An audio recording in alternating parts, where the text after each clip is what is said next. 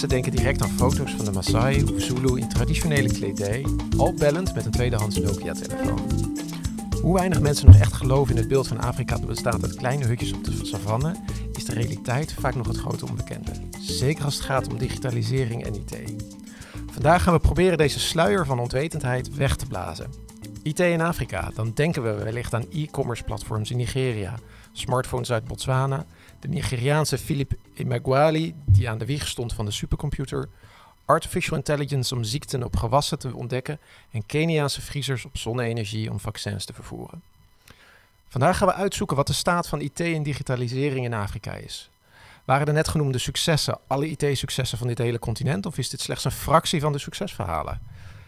Dat zullen we straks ontdekken in de al zesde aflevering van de Africast.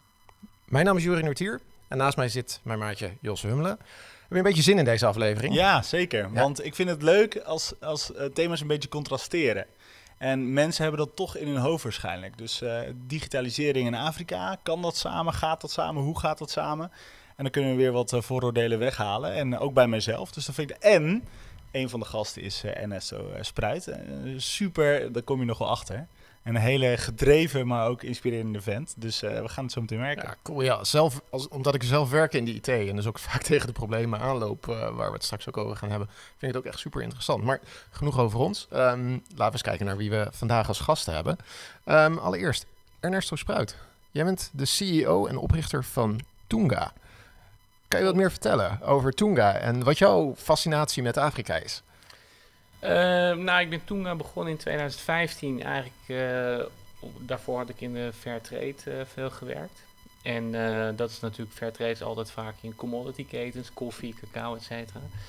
Maar ik herkende eigenlijk softwareontwikkeling als een soort leemte waar we hier heel veel behoefte aan hebben. Um, en wat ik herkende als een enorme kans voor jongeren in Afrika om hun economische positie te verbeteren. En die twee heb ik bij elkaar proberen te brengen. En dat is mijn bedrijf geworden Tuna. En daarmee, uh, ja, wat wij eigenlijk doen, is detacheren IT'ers uit Afrika die op afstand vanuit Afrika werken voor klanten hier in Nederland, in andere Europese landen en in Amerika. Interessant. Ik uh, moet zelf ook maar eens kijken voor mijn, uh, waar ik werk, of er interesse is. We komen straks ook nog wel op terug op, op het potentieel wat er, mm. wat er is en waar we misschien nu niet aan denken. maar ik wil eigenlijk ook even overgaan naar onze andere gast, Diana. Goedemiddag. Jij, jij werkt met Trinity Software aan uh, software voor de West-Afrikaanse markt. Uh, specifiek alleen de West-Afrikaanse markt of in het algemeen? Nou, we hebben ongeveer uh, 70% van onze klanten in Europa zitten en 30% in West-Afrika. In het bijzonder in Ghana, waar ons bedrijf ook in Kumasi gevestigd is. En is er, is het ontwikkelen van software uh, voor de West-Afrikaanse markt, is dat anders dan voor onze uh, West-Europese markt? Of nou ja en nee, denk ik. Uh, uh, nee, omdat je met dezelfde technologie werkt. Ik heb wel eens meegemaakt dat mensen dachten dat we met technologie uit 1970 werkten in Afrika. Ik weet niet waarom mensen dat denken, maar wij zitten ook gewoon online op internet te maken van de modernste technieken gebruik om apps te bouwen, en webapplicaties en dergelijke. Dat is hetzelfde en gebruikersvriendelijkheid is extreem belangrijk voor software in Afrika, maar ik zou willen beweren dat het hier ook is. Maar er zijn, om, natuurlijk omdat de context anders is, wel verschillen. Je hebt bijvoorbeeld een typisch iets wat we hebben, bijvoorbeeld een SaaS-oplossing, een schoolmanagement systeem in de cloud. Voor SaaS moet je even uitleggen. Software, as a service. As a service ja, dat is een, een oplossing in de cloud voor West-Afrikaanse scholen gebouwd. En op verzoek van onze klanten zit daar bijvoorbeeld een, uh, een schoolgeldsysteem in voor uh, eten, eten, voedselvoorziening voor de kinderen. Omdat ze gewoon kantines hebben en kinderen daar te eten krijgen. Dus een heel voedselprogramma zit erin.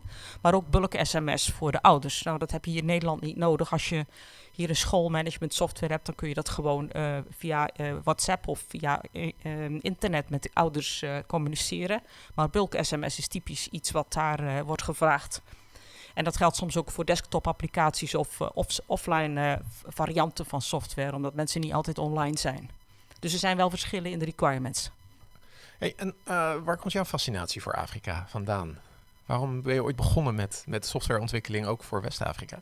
Oh, ik heb een, een leven achter de rug, een jaar of 15 van uh, directie bij de Rijksoverheid en allemaal mislukte ICT-programma's. Ik was het eigenlijk al beetje zat. En uh, ik heb toen gedacht, ik ga wat anders doen. Ik wilde graag sociaal ondernemer worden en ook wel graag iets doen met innovatie en met jongeren. En toen ben ik, heb ik besloten eigenlijk om te stoppen als directeur bij de Rijksoverheid om sociaal ondernemer te worden. Het was in 2015. En toen ben ik met een uh, trainingscentrum begonnen met een Ghanese om uh, jonge mensen in uh, Ghana bij te scholen voor de internationale arbeidsmarkt op het gebied van IT. En toen kwam ik daar een aantal wiskids tegen die aan de TU in Kumasi al hun eigen softwarebedrijf hadden gesticht. En toen heb ik hun voorgesteld om dat bedrijf verder te professionaliseren en onder de Fairtrade uh, label te, te, brengen naar de Europese markt. Om te kijken of we hier ook uh, met outsourcing uh, software konden verkopen. Dus van het een kwam het ander. Ja. Ah, goede stap geweest?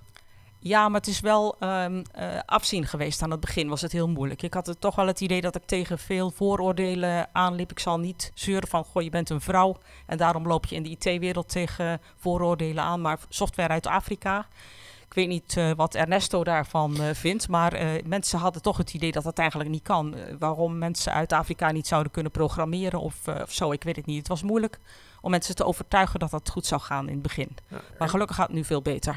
Ernesto, heb je, ben jij tegen die problemen aangelopen die, Jana nu noemt? Zeker, ook in het begin. Kijk, ik denk dat meeste bedrijven en meeste mensen ook, die zijn gewoon risicoavers. Dus als je met iets komt wat ze niet verwachten, daar heb ik gewoon nog nooit van gehoord. Dan gaan ze natuurlijk nadenken van ja, klopt het wel en kan het wel, weet je, op die manier. Um, en toen we net begonnen, uh, ja, dan kon je ook nog niet zo heel veel bewijs overleggen dat het inderdaad wel goed kan werken. En nu hoef ik alleen maar mijn klantenlijst te laten zien. En dan is het veel makkelijker, want dan denk ik, nou, als die het allemaal gedaan hebben of die het allemaal doen, ja, dan zal het wel goed zijn, weet je. Dus het is niet zozeer onwil, maar ik denk dat Afrika wel een imagoprobleem heeft, om het zo te zeggen. Dat het niet bekend staat als een plek waar uh, ja, een hoog technologisch gehalte heeft, zeg maar. Ja. Uh, dus dat herken ik wel, ja. Ja, want ik zat bij mezelf ook eigenlijk na te denken. Ik, ken ik Afrikaanse softwareontwikkelaars? Ken ik grote Afrikaanse softwarebedrijven? Nou, ik ken Elon Musk. Uh, die komt oorspronkelijk uit Zuid-Afrika. Daar houdt het wel een beetje op bij mij. Um, is er echt een schaarste aan IT-ontwikkelaars uit Afrika of zien wij ze gewoon niet? Nou, dat zijn eigenlijk de twee verschillende vragen, denk ik. Ja. Dus enerzijds zijn er bedrijven uit Afrika die een IT-product hebben wat wij hier kunnen kennen. Hè, ik denk dat ze in Afrika ook nog nooit van bol.com gehoord hebben, om maar een idee te geven. Uh, hè, dus je hebt natuurlijk op het Afrikaanse continent heb je ook de bol.com, zeg maar, uh, die daar lokaal een, een tech-dienst uh, leveren en daar heel groot en succesvol mee zijn. Mm -hmm. um, ik denk niet dat er, althans ik zou het niet zo 1, 2, 3, 1 kunnen bedenken, dat er grote techbedrijven zijn uit Afrika die exporteren zeg maar, naar Europa. Als je kijkt naar softwareontwikkelaars, dan natuurlijk wel. Hè. Dus er zijn 700.000 ontwikkelen professionele software developers op het Afrikaanse continent. Dus nou, dat is, uh, dat is best een hoop. Mm -hmm. um, en daarvan werkt maar een fractie, denk ik, buiten Afrika, om maar zo te zeggen. Dus voor op projecten die niet Afrikaan uh, betreffen. Um, en ik denk dat er nog veel meer potentieel in zit. Zowel binnen die bestaande groep van 700.000, maar ook daaromheen. Ik denk dat er dat softwareontwikkelaar steeds meer nu een beroep is wat, wat als aantrekkelijk gezien wordt. Mede door dingen die uh, wij doen uh, daar, zeg ik. Ik kijk ook even naar Diana dan. Um, uh, bedrijven als wij doen. Dus dat, dat mensen herkennen van... hé, hey, dat is een beroep waar ik een goede carrière in kan hebben... waar ik goed geld in kan verdienen. Dus het wordt steeds... Ja, je ziet steeds meer mensen komen.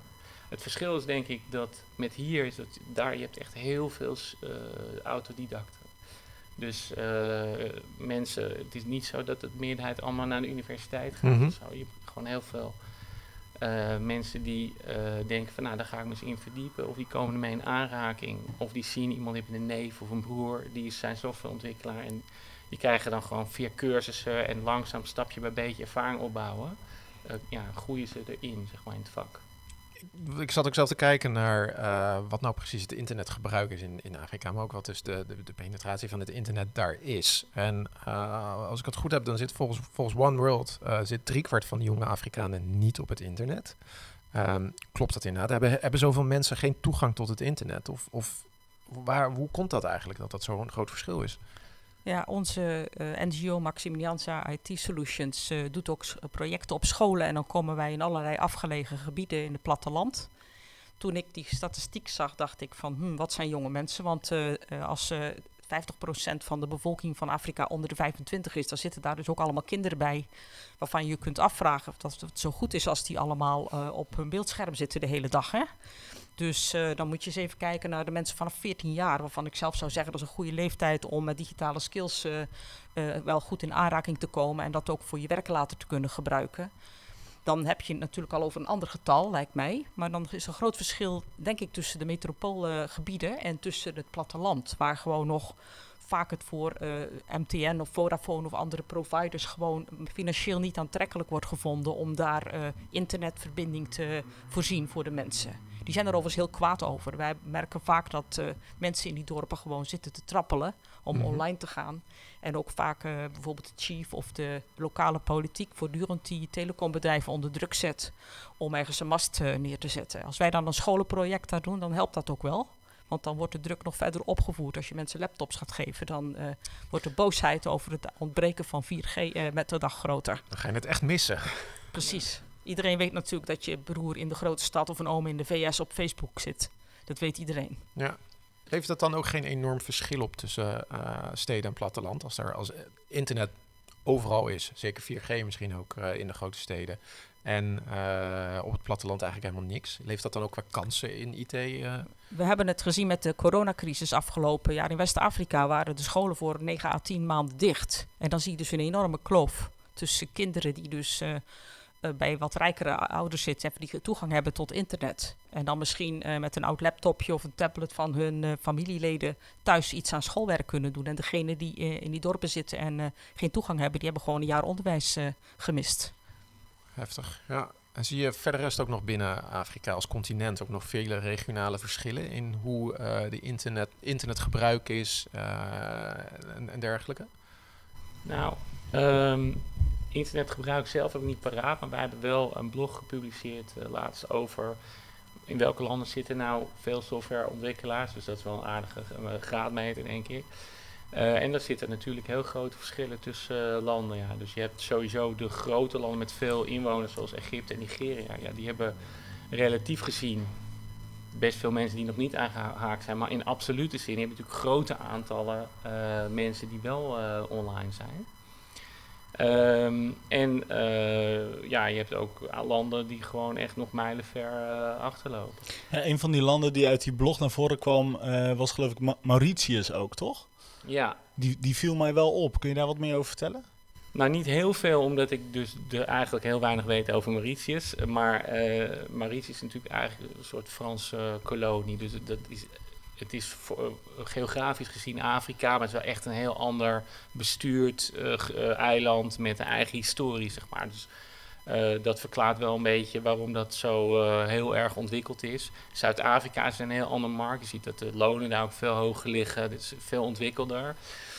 Um, hè, maar bij wijze van spreken Tjaad en Mali of zo, ja, daar gebeurt natuurlijk helemaal niks, weet je wel. Dus dat zijn gigantische landen met heel lage bevolkingsdichtheid. En inderdaad, wat Diana zegt, de mediane leeftijd in Europa is gemiddeld geloof ik 44 of zo. In Afrika is 18. Zo. Hè, dus de bevolkingssamenstelling is heel anders. Het is veel dynamischer. Hè. Dus hier uh, is, heb je een heel volwassen economie en een volwassen uh, ja, bevolking eigenlijk. En Afrika is eigenlijk een populatietijdbom. Dus dat dat groeit exponentieel de bevolking daar.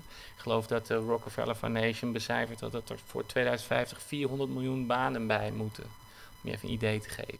Want jij werkt met Tunga vooral in die landen met een hele grote, uh, uh, hele grote bevolking, toch? Of, of ben je ook al richting landen aan denken die relatief, waar relatief minder mensen wonen, maar relatief veel developers actief zijn? Ja, nou, we zijn eigenlijk open voor heel Afrika. We hebben uh, een pool van 450 programmeurs uh, uit 24 Afrikaanse landen, dus dat is best wel veel.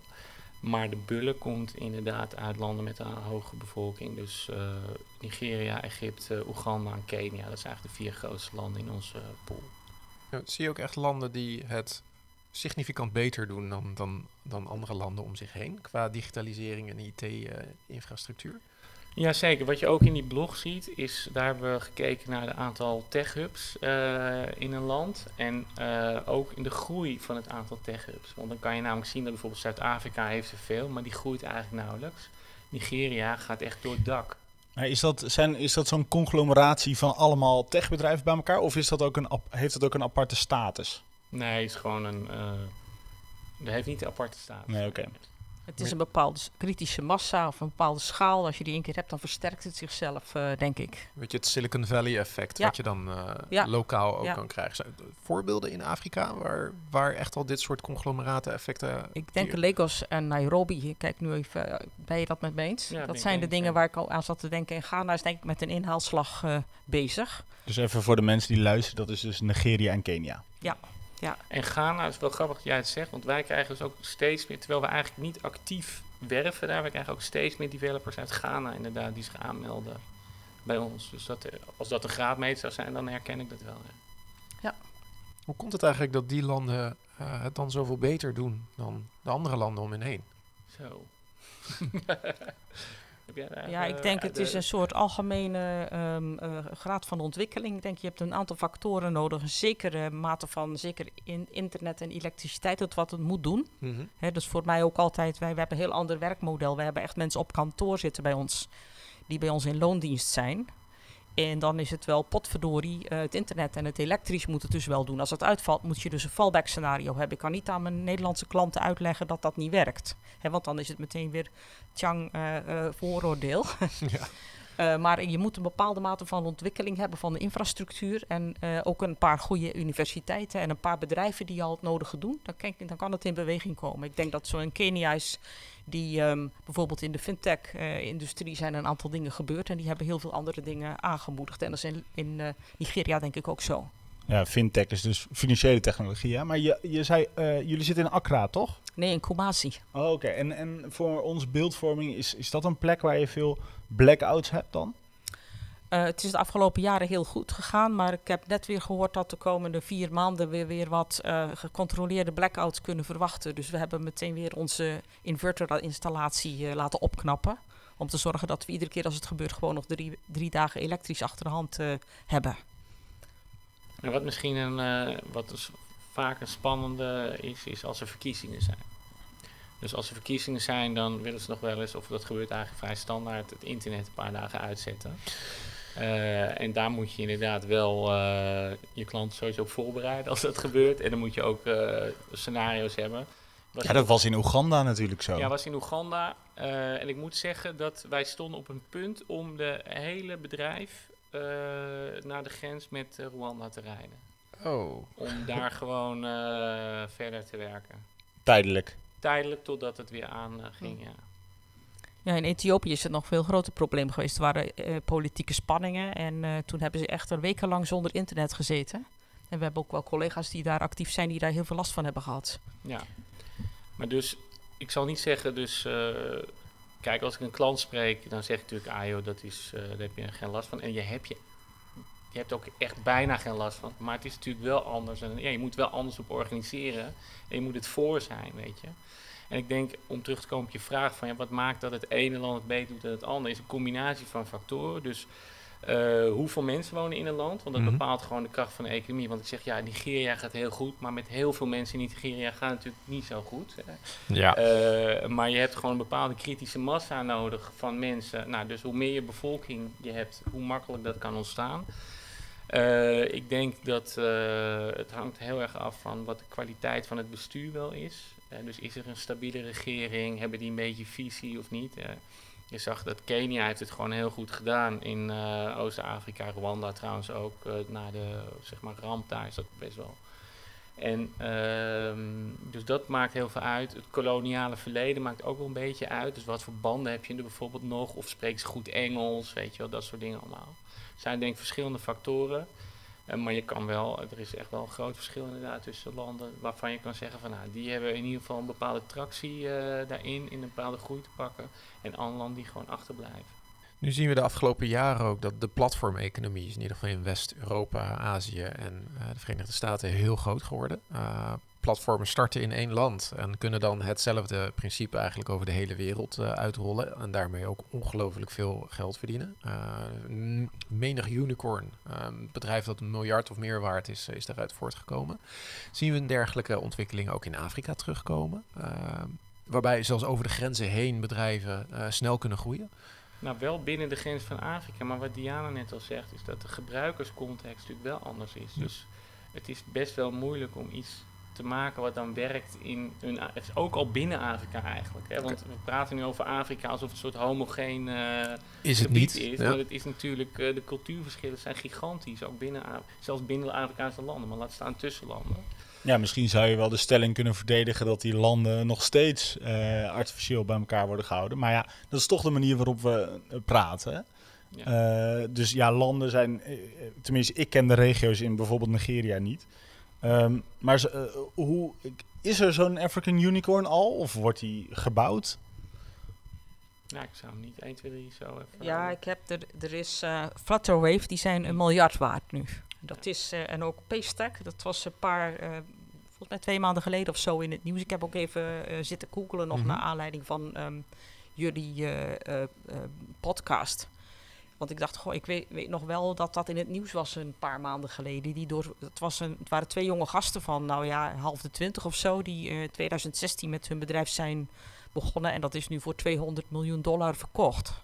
Dus uh, dat zijn toch wel leuke bedragen. Het zijn allebei dus uh, fintech bedrijven die in de markt staan in Nigeria. Dus daardoor ook omdat ze in zo'n grote economie zitten, meteen schaal kunnen maken in hun eigen land en dan de grens over.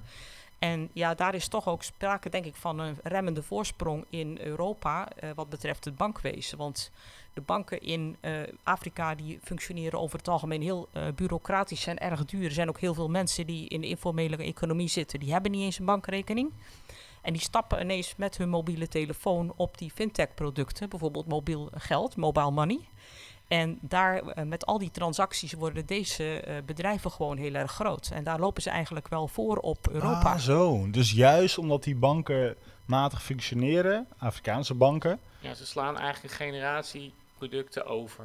Zo het, zou je het, zien. het, het internetbankieren van tien jaar geleden, zoals we dat in Europa is hadden. nooit geweest. Eigenlijk... Nee, en, en, want M-Pesa is natuurlijk eigenlijk een beetje het schoolvoorbeeld, maar is ook, ook een beetje een oud voorbeeld inmiddels. Dus dat is een systeem voor mobiel geld, zoals wij dat eigenlijk nog steeds niet uh, kennen hier. Maar inderdaad, Flutterwave is een wel een mooi voorbeeld, maar ook weer voor de Afrikaanse markt. Dus, dus echt een platform waarvan je zegt, dat heeft de potentie om ook Europa te veroveren.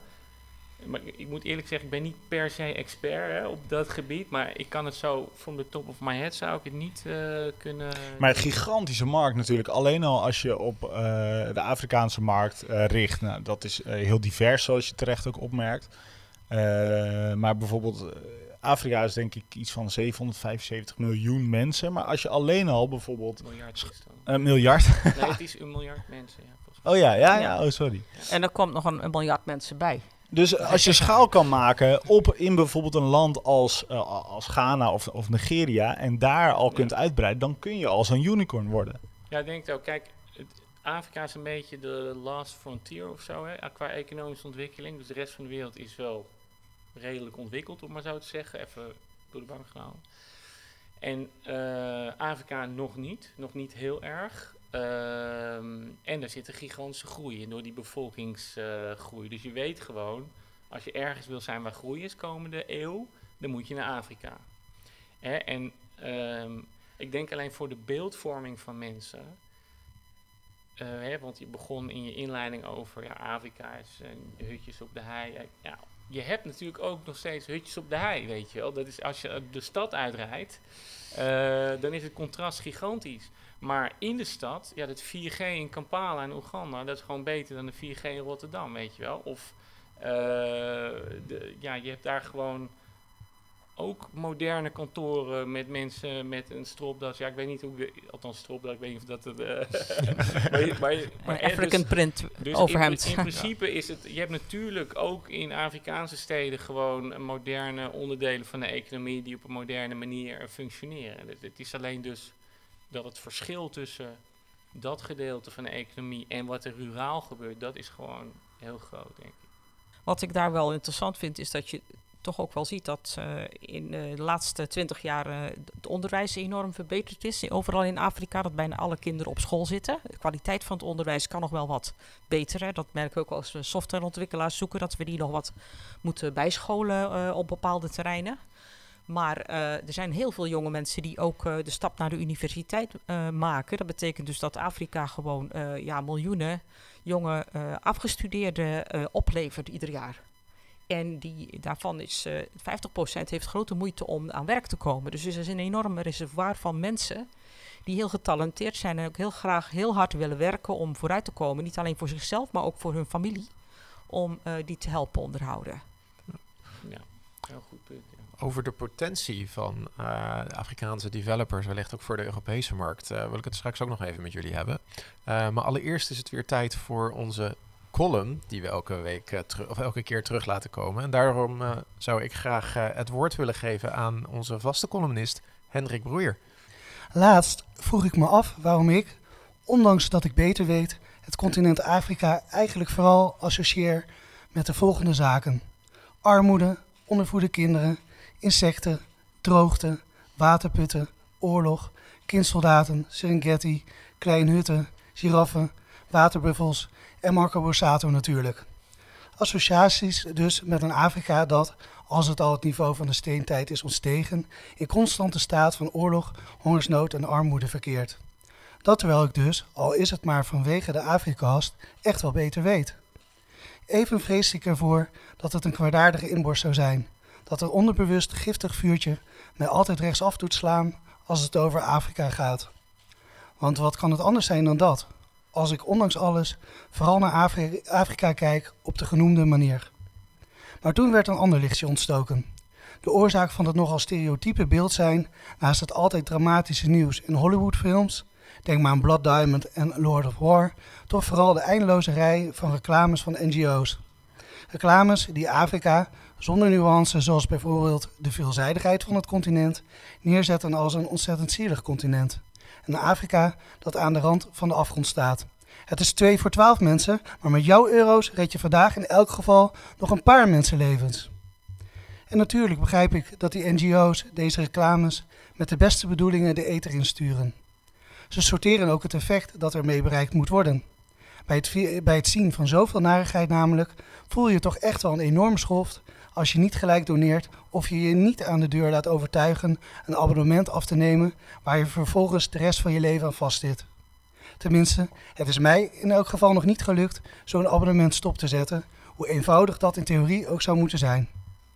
Toch zou het geen slecht idee zijn als deze reclames ook laten zien welk resultaat zelfs de meest basale hulp op termijn oplevert. Het resultaat dat noodhulp bijvoorbeeld leidt tot kinderen die hun ouders kunnen onderhouden en toch ook naar school kunnen. Het steunen van basisschoolonderwijs is de eerste stap naar een goed opgeleide bevolking. En gezond eten en drinkwater zorgen ervoor dat kinderen onderwijs niet alleen kunnen meemaken, maar er ook nog wat van zullen opsteken. Op een lege maag kun je namelijk niet leren. Het resultaat dat we ook vandaag weer te horen krijgen waar het gaat om de technologische ontwikkelingen op het continent. En waarom het een goed idee is dit effect te laten zien? Mensen zullen zich erdoor van bewust zijn dat elke gedoneerde euro niet enkel leidt tot een volgende vluchtelingenstroom, zo chargeer ik maar weer eens, maar dat het een investering is in een stabiel en opgeleid Afrika. Een Afrika waarmee we nog meer kunnen handelen en waar we de innovaties van de toekomst van kunnen verwachten als we er maar genoeg in investeren. Een Afrika dus waar het de moeite uh, waard in is om nog meer, weer meer in te investeren, omdat we er zelf zoveel rijker van zullen worden. Mijn stelling voor vandaag is dan ook: in belang van de gemeenschappelijke toekomst van Europa en Afrika zal onze beeldvorming van het continent Afrika moeten veranderen. Zijn jullie het daarmee eens? Ja, hardgrondig. Hand, ja. Hardgrondig mee eens.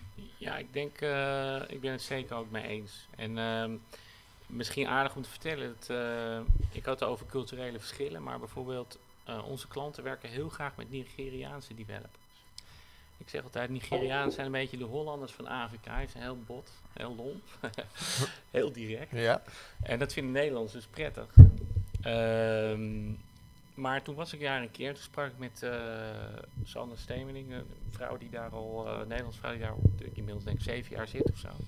Ik zei, hoe, hoe kan dat eigenlijk? Waarom is die Nigeriaan, als ik vergelijk met Oost-Afrikaanse cultuur bijvoorbeeld, zo initiatiefrijk, zo proactief, zo on the, on the shit, om maar zo te zeggen.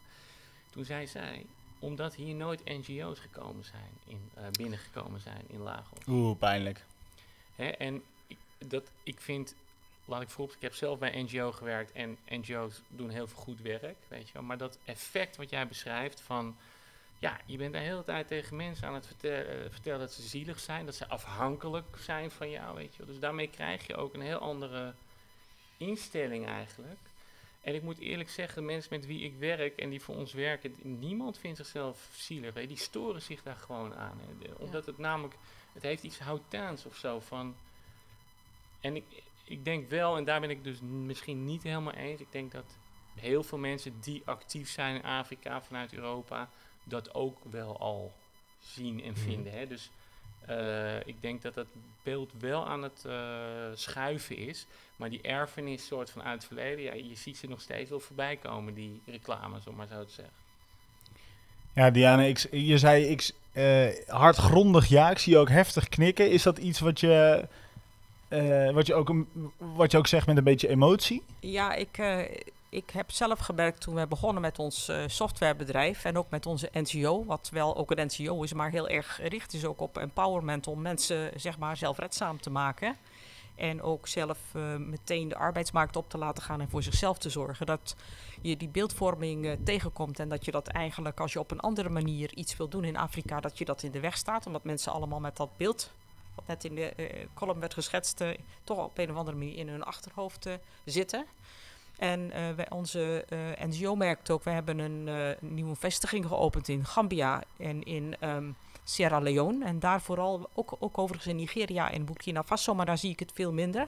Maar met name in Gambia en Sierra Leone zie je heel duidelijk dat de mensen vaak ook heel passief zijn. Die zitten als het ware te wachten totdat er een buitenlandse organisatie komt die iets voor ze gaat regelen. En dan is kennelijk zijn ze zoveel van dat soort hulpverleningservaringen rijker dat ze als het ware niet meer op het idee komen om zelf hun eigen problemen te gaan oplossen. En dat lijkt me gewoon ook uh, schadelijk. Nico Roos van Solidaridad, we zitten hier vlakbij, uh, in ieder geval, waar toen, toen ik de werkte, het kantoor zat. Nico Roos die zei altijd, ja, een ondernemer in Europa begint een bedrijf, een ondernemer in Afrika begint een NGO. Dat is best wel erg, toch? Dat is een, interessa dat is een interessante... Als je daar inderdaad over nadenkt, dan is dat absoluut geen goed teken voor hoe de situatie erbij hangt daar. Ja. Andere vraag, we hadden het net ook over um, developers uit Afrika. Um, ik werk zelf bij een IT-bedrijf. Wij zijn uh, keihard op zoek naar developers. Het is ontzettend moeilijk om ze in Europa te vinden. Het is al inmiddels moeilijk om ze ook buiten Europa of in Oost-Europa te vinden. Is Afrika uh, een plek waar we echt naar, serieus naar moeten gaan kijken? Voor Kom maar. Van... Kom maar. ja? Jazeker. Ik bedoel, uh, ja, er is ik zei net een beetje Afrika is de last frontier qua economische ontwikkeling, maar ik denk ook qua waar, waar nog pools zitten van talent die uh, of er al zijn of heel makkelijk door kan krijgen, zeg maar, qua niveau. Uh, dus ik denk dat dat zeker interessant is. Ja. Ik zou met Diana gaan praten, maar mocht het niet werken, kan je mij ook bellen. Oh, kijk. Hoezo eerst Diana? Nou, zij was, zij, zij was eerst. Zij was eerst. Nou, we hebben denk ik wat andere werkwijze. Ik denk, uh, wij hebben meestal, zo dat was met een bedrijf in Nederland zaken gaan doen, dat we kijken van kunnen we een deel van jullie developers team gewoon uh, in Afrika zetten. En dan heb je een virtueel Scrum team, zoals we dat noemen. Ja. We werken ook heel graag met Scrum, omdat dat hele korte ontwikkel uh, um, um, iteraties heeft, waardoor je heel snel kunt zien of mensen op het goede spoor zitten. En dat spaart tijd en kosten. Dat is uh, eigenlijk uh, een good practice die uh, overal over de wereld de afgelopen jaren is ingevoerd. En dat werkt met Afrikaanse developers ook heel goed. Dus dan heb je een team waarbij een deel van de mensen in Nederland zitten en een deel bij ons. En die werken gewoon in dezelfde tijdzone gewoon online met elkaar samen. Nou, dat is natuurlijk ook het grote voordeel. Het is al de tijdzone. Ja, ze spreken goed Engels en ze zitten, um, er zit één of twee uur tijdverschil tussen. Maar in Afrika kom je meestal vanwege de warmte wat eerder uit je bed. Dus uh, dan kun je gewoon op kantoortijd met die mensen gewoon uh, praten zoals je dat met je collega's doet als je online uh, zit vanwege corona thuis zit te werken. Maakt eigenlijk geen verschil qua user experience. Ik heb bij jou altijd het idee, Ernesto, dat je al een hele tijd weet dat je goud in handen hebt met dit eh, model, outsourcing met Afrikaanse developers. Ehm, maar dat je ook wel een beetje denkt, waarom zien mensen, waarom zien anderen dat nou niet zoals ik dat zie? We hadden net die column over beeldvorming. Is, is dat ook een belangrijk ding waar je tegenaan loopt? Of is mijn stelling überhaupt onjuist? Nou, is onjuist, denk ik. Omdat, uh, omdat, kijk, ik begrijp wel dat als jij een Nederlandse ondernemer bent, ja, het moet op je pad komen, weet je wel. Dus uh, ik begrijp ook wel dat niet iedereen de hele dag alles in Afrika aan het volgen is. Uh, en dat zij dus weten wat daar gebeurt. Um, maar wij hebben op dit moment echt nul moeite om mensen te overtuigen van dat het Afrika is. Dus mensen hebben natuurlijk vragen over kwaliteit en processen en dat soort dingen. Um, maar we zijn gewoon door de jaren heen zo professioneel eigenlijk geworden en we hebben zo'n track record uh, daarin uh, dat het op dit moment, het gaat, het gaat ook door het dak. Dus uh, we hebben met corona we hebben een dipje gehad, zeg maar, vorig jaar maart, april. En ik denk had iedereen in de wereld een dipje. Ja. Behalve misschien Zoom, maar in ieder geval. Uh, en, ma maar uh, op dit moment, ja, we groeien eigenlijk al heel lang hard. Maar, maar die groei die, blij, die gaat eigenlijk nog alleen maar sneller. Dus. Ja. Ik merk wel, soms hebben bedrijven al een soort historie van outsourcing. Dan hebben ze bijvoorbeeld een teams in Portugal zitten of in Roemenië of in de Oekraïne. En als dat dan goed bevalt, dan uh, denken ze van dan ga ik niet nu weer veranderen. En, uh, maar dan is het meteen voor een nieuw product of iemand die nog nooit aan outsourcing heeft gedaan. Ik heb een nieuwe klant dankzij corona ook uh, binnengekregen. Die wilde nooit met developers werken die niet op hun eigen kantoor zaten in Venendaal. Tja. Maar ja, nu zaten ze al een half jaar thuis en dat ging eigenlijk prima. Toen, en toen konden ze niet aan PHP-developers komen. En toen zei iemand, ga dan naar Diana. Want die kan dat wel. Hè. Die heeft gewoon een uh, netwerk op de campus in, aan de TU in Kumasi. En die kan wel aan PHP-developers komen. Dus die hebben nu de eerste twee uh, bij ons afgenomen. Was denk ik zonder de coronacrisis was dat niet gebeurd. Dan hadden ze denk ik nog steeds met z'n allen op kantoor uh, gezeten. Dus het helpt ook mensen om een beetje over de koudwatervrees van developers in andere landen of uit andere landen nou, Het is te meer halen. managementstijl ook denk ik. Dat je denkt dat mensen bij jou in de kantoorruimte moeten zitten om te kunnen zien wat ze doen. Dat is natuurlijk uh, niet waar als je productie kunt meten. En je kunt gewoon uh, online zien ook wat mensen met elkaar bespreken en dergelijke. De output is uiteindelijk uh, belangrijk en ook de kwaliteit daarvan. Als je dat kunt controleren is het helemaal geen probleem waar iemand zit. Of zelfs de uren van de dag waarop iemand werkt zou ik zeggen. Als je midden in de nacht wil, wil programmeren, waar, maar je doet goed werk, waarom niet? Ja, ja misschien wel aan, want in het voordat we begonnen met opnemen, was het van ja, maar jullie zijn eigenlijk concurrenten, dus of zo, weet je wel. Ja. Dus, en maar ja, we komen elkaar nooit tegen in de markt. Althans, ik uh, heb nog nooit voor mijn gevoel een uh, opdracht uh, gehad waar de keuze was tussen Trinity of Tunga. Um, en ik heb ook heel veel klanten die al heel slechte ervaringen gehad hebben met outsourcing, maar die zo met hun handen in het haar zitten dat ze zeggen van, nou ja, we hebben het in India geprobeerd en in Oekraïne, dat werkte niet maar misschien dat het in Afrika wel werkt. Ja, en dus de schaarste is gewoon zo groot aan goede, aan goede softwareprogrammeurs in Nederland, maar ook in andere landen natuurlijk, in Europa en Amerika. Dat, uh, ja, tuurlijk heb je liever iemand, bij wijze van spreken, uh, die cultureel dichterbij zit, die op je kantoor zit, et cetera. Maar als die er gewoon niet is, hè, en zeker voor uh, kleinere bedrijven, in, in de arbeidsmarkt moeten concurreren met, uh, weet je, dat kun je nooit winnen. Ik vind dat heel interessant wat je zegt, want uh, ja, misschien ga ik te ver hoor, maar zou je niet kunnen zeggen dat bijvoorbeeld een, een developer uh, uit Afrika cultureel veel dichter bij uh, de West-Europeaan ligt dan bijvoorbeeld een Indiër of een, of een Chinese developer? Nou, dat vind ik een gewaagde stelling. uh, maar, uh, of laat ik dan zeggen, we, we, uh, er is meer interactie misschien geweest door, de, door Ja. de jaren heen, zodat je elkaar sneller begrijpt. Ja, nou, ik denk dat Indiërs cultureel heel ver afstaan van Europeanen. En ik denk dat eh, door de bank genomen Afrikanen er ook best cultureel ver weg staan van Europeanen. Maar ik heb zelf ook zeven jaar in Rusland gewoond en dat is maar twee uur vliegen. Die staan ook cultureel heel ver af van Nederlanders, kan ik je vertellen, weet je wel. Dus het is ook een beetje, en eigenlijk als je in, België is het ook heel anders dan, eh, dan in Nederland, weet je. Dus, maar ik denk dat Diana zegt wel eh, waar is. Kijk, software programmeren leent zich heel goed voor werk op afstand. Uh, de kwaliteit kan heel objectief worden vastgesteld. Het coördineren, het uitzetten van het werk, leent zich ook goed om dat gewoon op een gedistribueerde manier te doen. Weet je. Dus wat dat betreft is het aantrekkelijk. En het is voor Afrika ook aantrekkelijk, want je hoeft geen fabrieken voor te bouwen. Hè. Het, je, hebt heel weinig investering nodig om iemand, als je eenmaal is opgeleid, om hem uh, zeg maar aan het werk te uh, hebben. En het is hooggeschoold werk, dus voor de mensen ook interessant werk. Het is goed betaald. Dus, uh, ja. Ernesto, ik had wel nog een vraag wat dat betreft aan jou. Want ik heb wel persoonlijk het idee dat communicatie heel belangrijk is bij softwareontwikkeling. En dat Zeker op afstand. En uh, nou, in het algemeen laat ik zeggen dat uh, als je mensen hebt die een beetje um, introvert zijn en misschien briljante ontwikkelaars zijn, toch problemen hebben in de communicatie met uh, klanten of met business developers bijvoorbeeld. Um, mijn eigen ervaring met communicatievaardigheden. Ja, communicatie is gewoon heel belangrijk in, in, in Afrika. -hmm. ze, uh, ze, communiceren zich suf met iedereen. Hè? Met hun vrienden, hun familie, met iedereen. Iedereen constant de hele dag uh, op WhatsApp uh, met elkaar aan het bellen en praten en zo. Heb je het idee dat dat helpt? vergelijken bijvoorbeeld met jouw eigen ervaring in, in Rusland, nee. daar te wonen. Dat je vindt dat dat communiceren met de Afrikanen makkelijker gaat? Nou, ik de, mijn ervaring is dat die generalisatie eigenlijk niet kan maken. Uh, omdat je gewoon uh, binnen landen of tussen landen al veel verschillen hebt. Uh, maar je hebt ook, ja, die, al, je hebt introverte mensen, je hebt extraverte mensen, heb je in dat Afrika klopt. natuurlijk ook. Tuurlijk.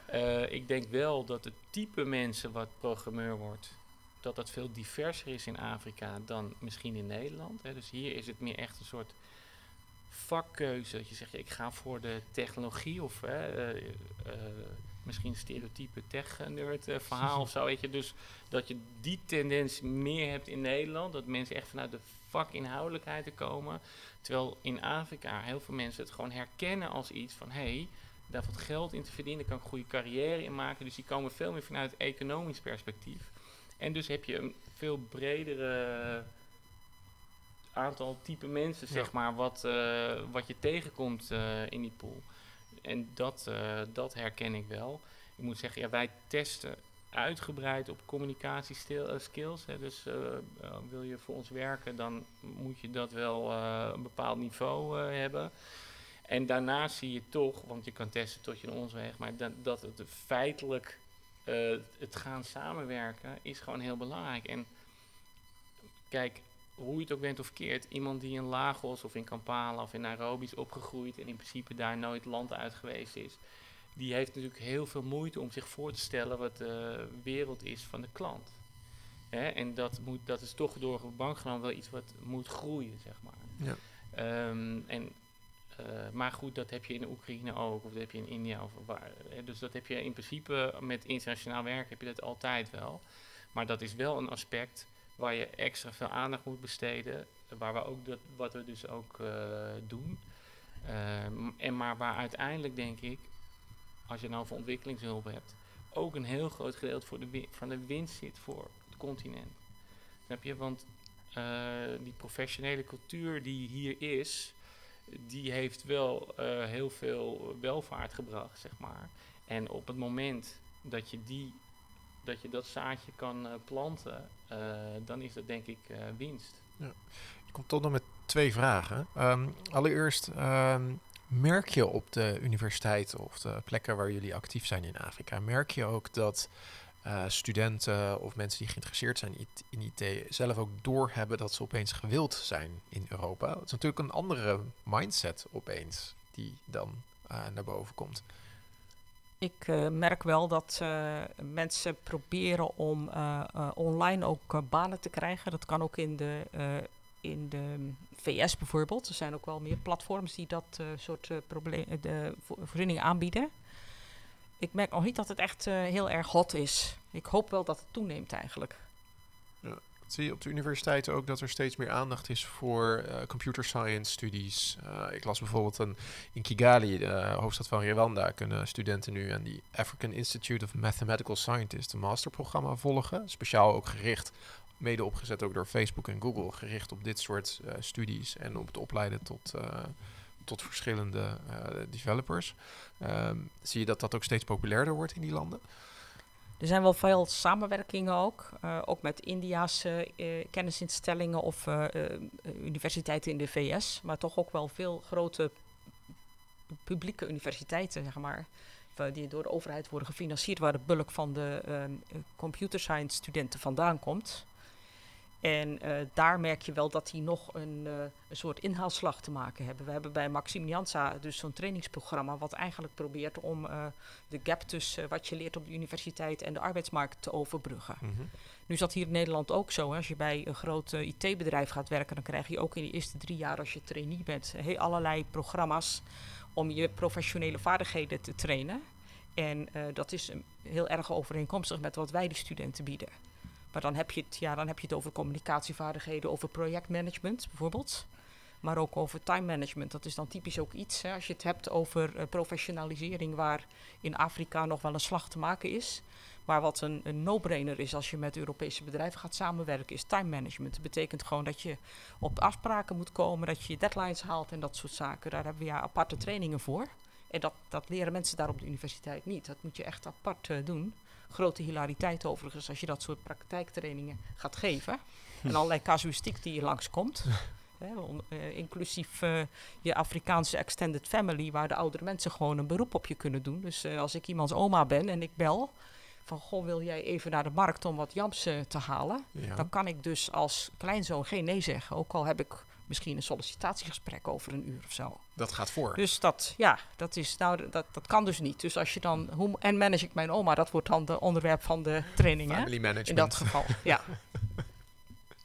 en een andere vraag die bij me opkwam is, um, dit zorgt er natuurlijk wel weer voor dat er een grotere kant is op brain drain. Uh, het fenomeen waarbij hoogopgeleide mensen uh, eigenlijk uit Afrika vertrekken om hun kansen in West-Europa of Amerika uh, op te pakken. Wat ik eerlijk gezegd zelf ook zou doen. Maar hoezo? In, di in dit geval blijven ze toch vrolijk in, in, in ja, het land waar ze vandaan komen? Dat, dat kan ik me voorstellen, uh, aan de ene kant. Aan de andere kant is natuurlijk ook wel de wens om dan weer naar, om te verhuizen ook alweer groter. Uh, zie, je, je dat, uh, zie je dat terug, Ernesto? Um, ja, half, zeg maar. Dus ik denk, want wij, zijn, wij denken hier wel heel erg over na. Hè. Dus ik denk in eerste instantie, do, door het model wat wij hebben, en ik denk wat Diana ook heeft, is dat, dat je juist niet de Dreambrain uh, wil uh, realiseren. Doordat je banen daar creëert die daar goed verdienen, zeg maar. Okay. En als je die banen niet zou hebben, dan gaan ze natuurlijk zeker willen verhuizen. Hè. Dus uh, dat is één aspect. Ander aspect is, ik ken er genoeg die helemaal niet weg willen. Ik ken er ook een aantal die dat in hun hoofd hebben en die ook er alles voor over hebben om wel te verhuizen. En ja, in die zin ik heb in Nederland natuurlijk ook vrienden die sommigen heel blij zijn in het dorp waar ze geboren zijn ja. en andere... Ik wil, ik wil ook dolgraag naar, uh, naar Afrika ja. binnen nu en vijf jaar. Maar mijn dochter die is 13 en die wil ook al vijf jaar, zegt ze, ik ga...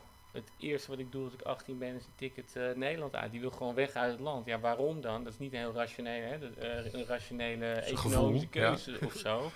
En die mensen hebben wij ook wel. Hè? Dus wij hebben natuurlijk ook developers die echt zijn heel actief op zoek naar mogelijkheden om te emigreren. Maar nogmaals, we hebben ook developers die gebruiken het geld om, weet je, uh, om een uh, apotheek te kopen. Hm. Of om uh, een stukje koffie, hoe zeg je boerderij te kopen. Dus ehm, ja, die, en die, die investeren dus lokaal dat geld wat ze verdienen, investeren ze om lokaal verder te ondernemen met, het met familie natuurlijk, en de extended uh, family. En, en uh, dat vind ik een super positieve ontwikkeling, want zo breng je denk ik economische ontwikkeling ja. daar. Hey Judy, zullen we het nog even hebben over dat enorme project van, uh, volgens mij heet het To Africa. Ja, dat lijkt me een goeie, want dat is natuurlijk ook een, kan een game changer zijn. Uh, volgens mij, to, to Africa is een project van Facebook en China Mobile. Uh, mega internetkabel. Klinkt al goed, hè? Facebook en China Mobile samen. Dat kan ja. alleen maar fout aflopen. Heeft als doel om uh, via dus een enorme internetkabel uh, eigenlijk internet in Afrika nog groter te maken. zijn jullie bekend met dit project? Nee. Ik had er ook niet van gehoord, maar er zijn natuurlijk vaker van dit soort projecten. Ook Google Balloon onder andere gehad. Die, hebben allemaal, ja. die wilden over heel Afrika een grid van ballonnen um, uitbreiden, waardoor iedereen op uh, 4G zat. Maar dat bleek ook te duur. Die dingen gingen om de drie weken kapot, geloof ik. Maar dit zal wel uh, lukken. Ja. Ja. het zijn natuurlijk namen die niet de beste associaties hebben. Uh, China, China Mobile, Facebook. Ja, ik, eh, is het een risico voor Afrika dat ze zich uh, te snel met dit soort bedrijven in zee laten gaan en dat ze daardoor uh, kiezen voor snel internet, maar misschien niet het meest veilige internet? Nou, dat vind ik, dan, dan, dat vind ik een heel uh, moeilijke vraag. weet je, dat ik denk in het algemeen dat Afrikaanse landen niet altijd baas in eigen huis zijn. Hè. En wat je wel ziet is dat de invloed van China steeds groter wordt. Waar die in het verleden meer uit natuurlijk Europa kwam en meer recentelijk uit de Verenigde Staten. Ja, en ik wens iedereen op de wereld, dus ook mensen in Afrika, zelfbeschikking uh, toe. Of dit een risico daarvoor is, ja, weet ik niet, vind ik eigenlijk heel moeilijk inschatten. Het is ook een kans, dus ehm, meer kan ik eigenlijk niet over zeggen. Ja. Ik denk dat uh, dat het is een typische Europese of Nederlandse vraag is. Want uh, als ik met dat soort dingen kom, het kan ook gaan over dataprotectie, over cybersecurity en dat soort zaken. Dan, of over het feit van, oh, nu zijn die Chinezen die grote spoorlijn aan het aanleggen van Accra naar uh, Ouagadougou. En wat krijgen ze daar dan van terug? Krijgen ze dan die goudmijnen of zoiets? Dan kijken mensen je toch een beetje glazig aan. Want iedereen is zo blij met die ontwikkeling. En het is zo'n gigantische voor, vooruitgang voor het land dat, uh, dat is echt zoiets van, uh, waar zeur je over? Ja, maar het is eigenlijk misschien vergelijkbaar met het Suezkanaal. Van, ja, zijn wij Europeanen niet veel te afhankelijk van uh, die Egyptenaren met het Suezkanaal? Ja. Of van de Russische gasleiding? en dus, ja, ik denk dat het... Dat, dat de economische infrastructuur die is gewoon globalistisch geworden in de afgelopen, weet ik veel, een paar honderd jaar. Um, en daar hebben zij ook mee te maken. Maar in principe denk ik dat het een positieve ontwikkeling is dat die infrastructuur zich daar goed ontwikkelt. Ja, ik denk ook dat we ons misschien ook een beetje als uh, West-Europa en Amerika achter onze uh, oren moeten krabben. Want uh, andere initiatieven, ik noem bijvoorbeeld een OneWeb of een Starlink. Starlink is het, het internetsysteem wat Elon Musk aan het opzetten is. Dat zien we allemaal als grote redders van internet op plekken waar het eigenlijk nu niet kan komen. En hier zijn we opeens heel kritisch over. Ja, maar dat, is, dat komt toch niet uit het niets? Hè? Dat we kritisch zijn op bedrijven zoals Huawei. Volgens mij, ik las vandaag ook weer dat ze weer zo'n zo'n trucje hebben uitgevoerd zodat ze mee konden luisteren. ja, daar, kun je toch onmogelijk. Daar, daar, kun je heel snel veel te naïef over denken, geloof ik. Maar ja, weet je, die Afrikaanse landen die die die die deal sluiten, die kunnen dat natuurlijk voor zichzelf bepalen en, en dat afwegen. Ja, toch? De risicoperceptie is denk ik anders als je in een Afrikaans land woont. Ik zit de helft van mijn tijd ongeveer daar. En dan, ja, je stapt in ook in, in taxis en in van die trotro-busjes waarvan je hier denkt van nou uh, zou de Rijksdienst voor het wegverkeer dat uh, of APK, wat is dat? ja, je, je, grijpt naar je, naar je voorhoofd terwijl je dit zegt. Ja, ja. Ik, uh, ik denk, dan, dan zeg je dat tegen je vrienden van God, er zitten geen, uh, geen veiligheidsgordels in deze taxi. En dan slaan ze dubbel van het lachen. hey, dat is gewoon dat is een andere leven met andere soorten risico's en problemen dan wij hier uh, hebben. En ik denk soms dat Nederland misschien wel ook doorgeschoten is. Als ik nu bedenk dat ik bijvoorbeeld geen vaccinatie kan krijgen voor corona, omdat er een kans van 1 op een miljoen is dat ik daar trombose van krijg. Dan denk ik van ja, wie heeft dat besloten? Hè? Dat dat dan kennelijk voor ons beter is als Nederlanders. Dat is toch wel een soort van risicodenken dat misschien ook wel heel erg is uh, doorgeschoten. Wat niet wil zeggen dat ik een, een, een, fan ben van de Chinese mensenrechten hoor. Dat moet je niet op die manier interpreteren. Zijn er, zijn er Afrikaanse initiatieven op gebied van digitalisering waarvan jullie zeggen dat is echt een prachtig voorbeeld van iets wat in Nederland ook eigenlijk zou kunnen werken? Of wat een mooi voorbeeld zou kunnen zijn van wat wij in Nederland zouden moeten overnemen? Um, kijk, ik heb wel veel leuke voorbeelden, ook uit onze eigen um, klantenkring. Maar die zijn vaak ook voor de Afrikaanse context. Ernesto die zei dat al aan het begin. Dat de context daar anders is. En dan heb je andere klantvragen en ook andere IT-oplossingen dan, dan hier. Ik vind uh, mobile money en alles wat daarmee kan. En allerlei variaties daarop. Toch wel iets wat, van, wat ik wel heel prettig zou vinden. Als ik dat niet alleen aan mijn, uh, mijn Ghanese, maar ook aan mijn Nederlandse simkaartje zou hebben hangen. Ja, wat ik nog steeds niet helemaal begrijp is waarom ik 50 euro transactiekosten heb als ik geld overmaak naar een Afrikaans land vanuit hier. En inderdaad, misschien dat zo'n mobile money infrastructuur, als je dat gewoon globaal zou kunnen trekken, daar zou ik wel happy van worden. Ja, dat je geld veel makkelijker uh, over kan maken. Want ja, waarom is het eigenlijk zo ingewikkeld? Vraag ik me wel eens af, ja. ja, omdat ze geen incentive hebben volgens mij om te innoveren. Want er wordt gewoon nou verdiend, want er wordt gewoon doorgebracht. Maar voor een economie, ik denk dat er ook voor de Afrikaanse economie, er is gewoon een, een barrier eh, voor heel veel bedrijven. Is dat die, dat, dat, eh, die betalingen zo'n uh, hassle zijn altijd. Ook voor ons om de programmeurs uit te betalen. Ja, dan is er weer een wetgeving op anti-terrorisme-wetgeving of zo. En dan worden weer uit Nigeria bijvoorbeeld alle accounts eventjes... Stopgezet? Nou, niet stop, maar wel moeten dan weer onderzocht worden. En dan vallen er altijd weer net even een paar aan de verkeerde kant van de medaille. Dus moet je achteraan. Dus daar, daar zit, ja, dat is gewoon kijk, ik ben ondernemer, ik ben graag met groei bezig, ik wil mooie dingen doen. Dat zijn natuurlijk geen dingen waar ik graag mijn tijd aan besteed. je kijkt er ook heel chagrijnig ja. Maar dat is de wet financieel toezicht hier in Nederland, die gewoon met bepaalde risicoprofielen werkt. En dan krijg je ineens een telefoontje, mevrouw, u bent uh, het slachtoffer geworden van een aantal uh, internetcriminelen uit West-Afrika.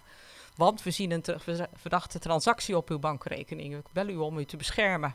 Ja. Ik zei, ja, ik ken die mevrouw. Sterker nog, ik woon daar al uh, maanden op de compound. Ze zit hier naast me, hè, maar dat helpt niet.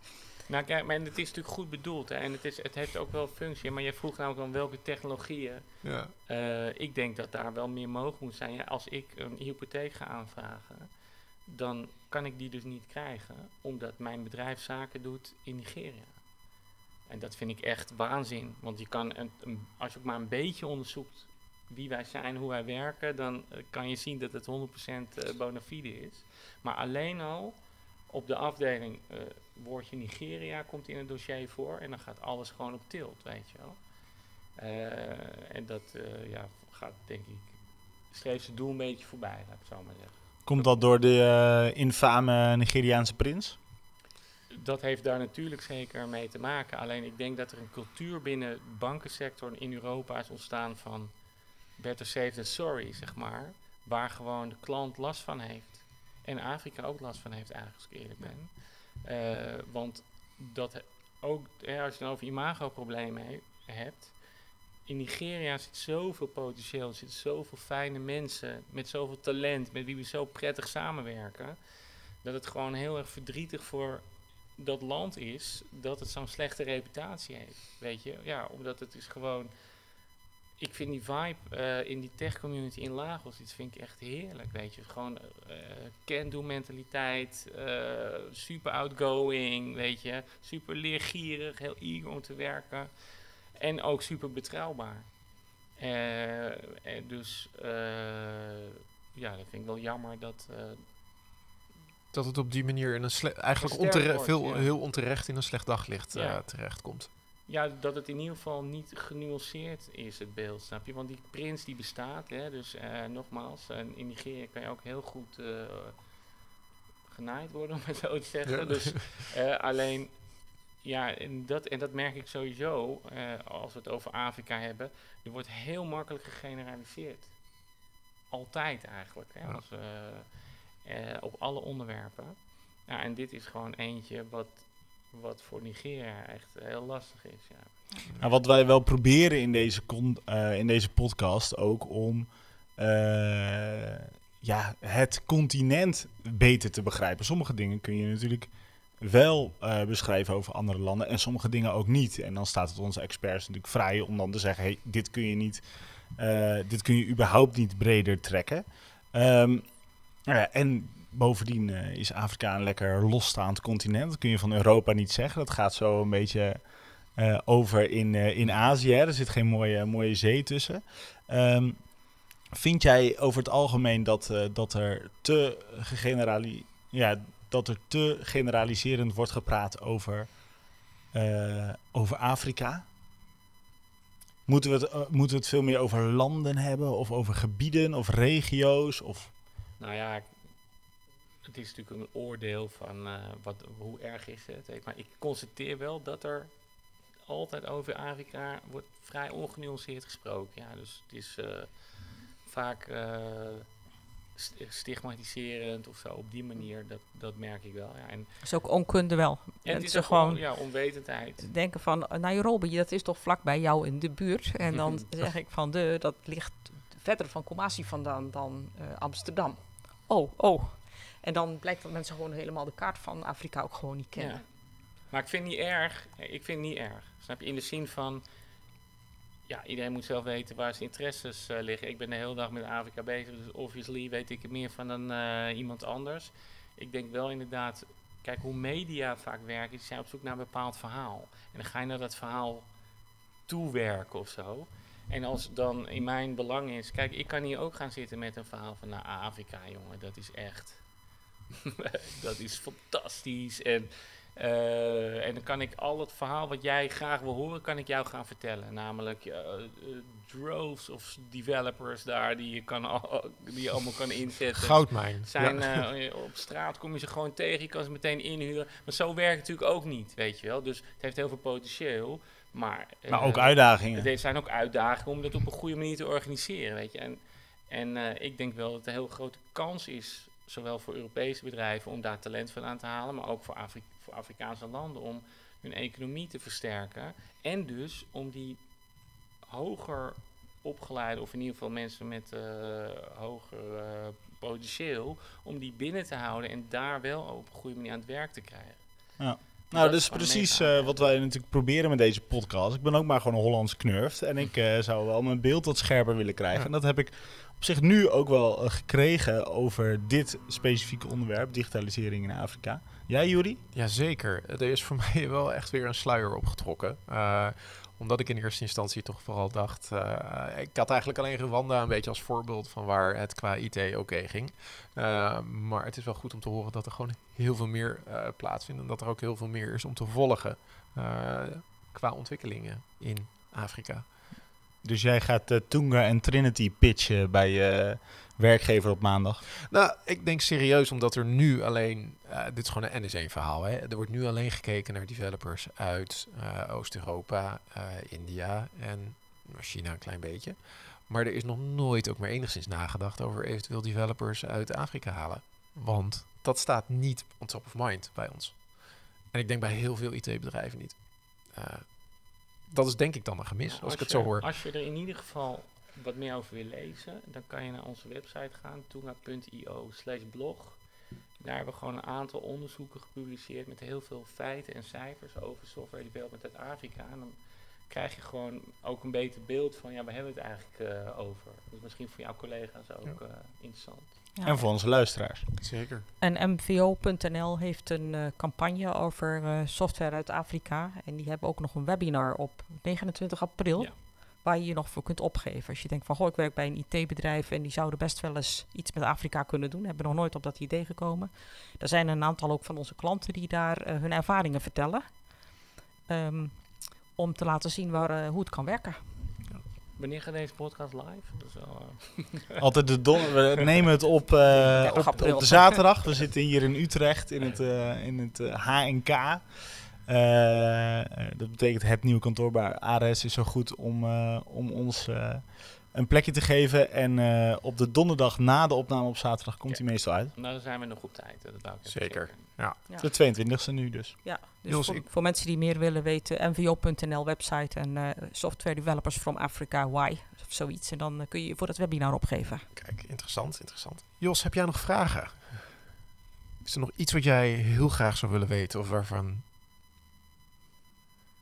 Nee, ik heb het wel scherp. Scherper in ieder geval. Scherper. Maar we blijven met elkaar in contact.